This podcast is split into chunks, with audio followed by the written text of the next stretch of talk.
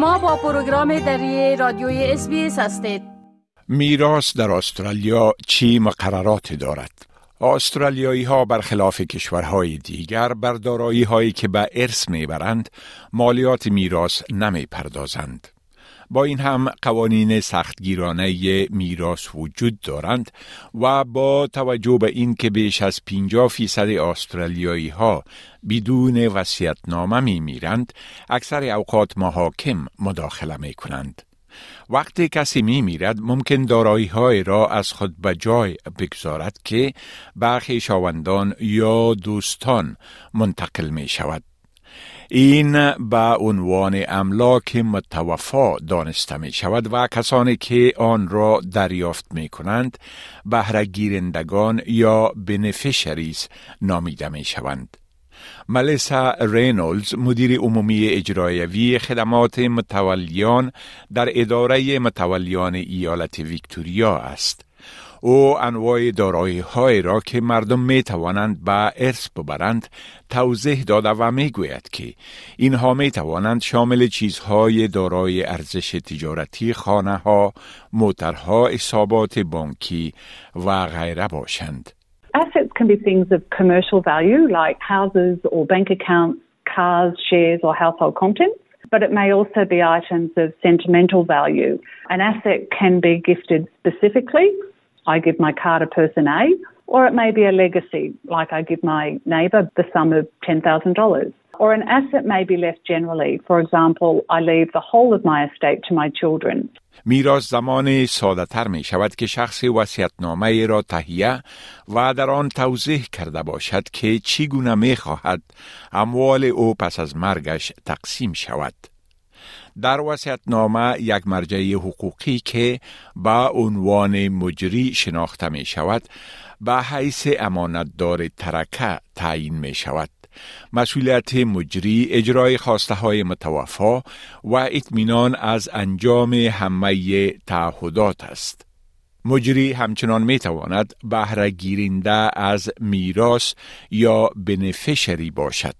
فلورنت آباد که هم در فیلیپین و هم در استرالیا وکالت کرده می گوید در مواردی که مجری تعیین نشده ممکن محاکم مجبور به مداخله باشند. If there is no appointment in the will for executor, then the Supreme Court will appoint the applicant who seeks to apply for that grant, and that applicant is called a trustee or administrator. The executor is a trustee appointed in the will and the administrator is a trustee appointed by the court but not in the will. اگر به حیث مجری تعیین شده اید اما احساس می کنید که نمی توانید وظایف خود را اجرا کنید می شود به اداره متولیان ایالتتان اجازه بدهید تا به نمایندگی از شما اجراعات کند. این اداره دولتی در امور پایان عمر به مردم کمک می کند. یک مجری باید با بهره گیرندگان تماس گرفته و برای گرفتن تصدیق اعتبار وسیعتنامه معروف به پروبیت درخواست دهد. ملیسا رینولدز می گوید که پروبیت یک حکم محکمه است که اعتبار وسیعتنامه را تصدیق می کند. محکمه عالی هر درخواستی برای تصدیق اعتبار را ثبت می کند. شما می توانید دفتر ثبت حکم اعتبار وسیعتنامه محکمه عالی را در منطقه خود مشاهده کنید. اما خانم رینولدز می گوید که اکثر اوقات شخصی بدون وصیت می میرد و قانون باید فیصله کند که چی کسی میراث را دریافت می کند. So when a person dies without a will, this is called dying intestate.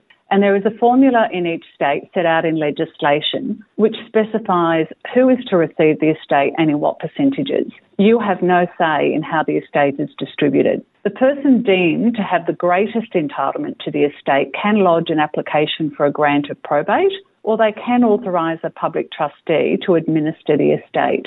فرمولی که برای تقسیم دارایی بدون وسیعتنامه از آن استفاده می شود سکسیشن اکت یا قانون بازماندگان نامیده می شود.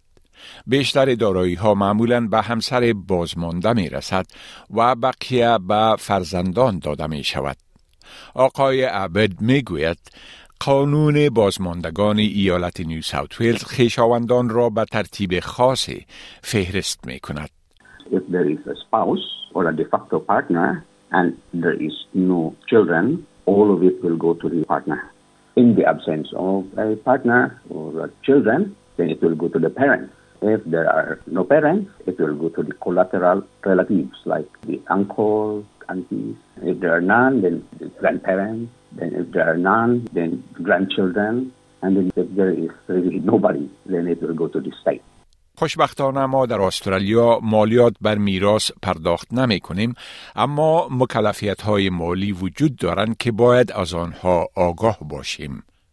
اگر تصمیم دارید میراستان را بفروشید اداره مالیات استرالیا قوانین مالیاتی را برای اموال میراسی اعمال می کند اکرم الفکری محاسب عمومی رسمی می‌گوید دارایی به ارث گرفته که مفاد به بار بیاورد ممکن مالیات سود سرمایه یا کپیتال گینز تکس داشته باشد There's no tax consequences to the deceased estate if it was the deceased residential house, but if there was two properties and one was rented out, the residential property is tax free, but the investment property would attract capital gains tax.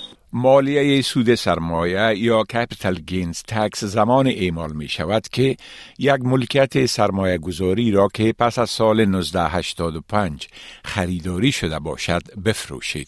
آقای الفکری می گوید توصیه معمول این است که به جای فروختن این گونه ملکیت ها آنها را به بهره میراث منتقل کنید. حتی اگر قصدتان تقسیم دارایی ها بین اعضای خانواده باشد زیرا یک زمان مافیت مالیاتی برای املاک مسکونی وجود دارد You've got a two-year window to sell without incurring capital gains tax if you're a beneficiary. But if the beneficiary uses it as their principal place of residence, then that will carry forward. Like the deceased had it as a residence, the beneficiary has it as a residence, and even if you exceed the two year period, it'll be tax free because it was never used for income producing purposes. حساب های بانکی نیز به میراث گرفته می شوند بناهن مهم است که هر گونه سود بانکی را در اظهارنامه مالیاتی خود اعلام کنید اگر دارایی شامل سهام باشد و آنها به پول نقد تبدیل شده و بین بهره گیرندگان تقسیم شود مالیات بر سود سرمایه یا کپیتال گینز تکس نیز پرداخت خواهید کرد آقای الفکری می گوید اگر ملکیت را در خارج از کشور به ارث ببرید مدت زمان معافیت از مالیات اعمال می شود. For example, if it was a place in Europe It was sold within that two year period, and then the money comes to Australia. It's declared and it falls into the Australian rules and, and it becomes tax free. The only problem would be that if there are peculiar tax laws in the particular country that it was sold in, then perhaps the transaction would be caught by the tax regime of the country it was sold in. در صورتی که یک بهره گیرنده از میراث ساکن دائمی استرالیا نباشد قوانین به خصوص کپیتال گینز تکس اعمال می شود بنان بهتر است مشوره مسلکی بگیرید.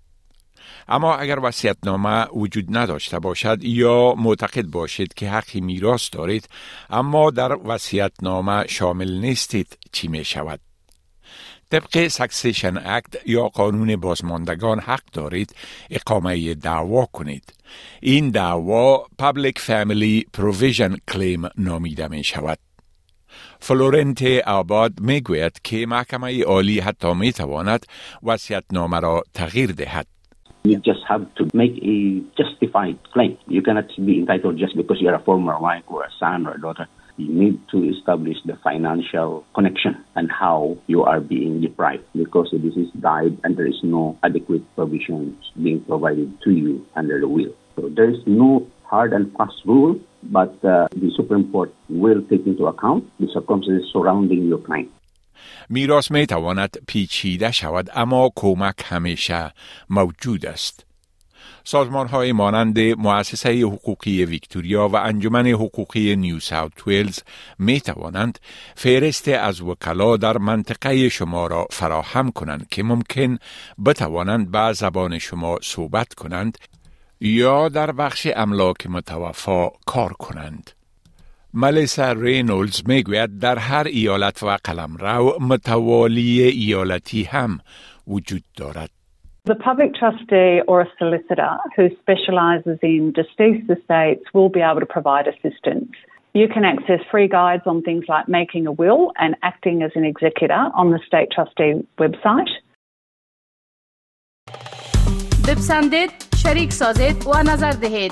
اسپیس دری را در فیسبوک تعقیب کنید.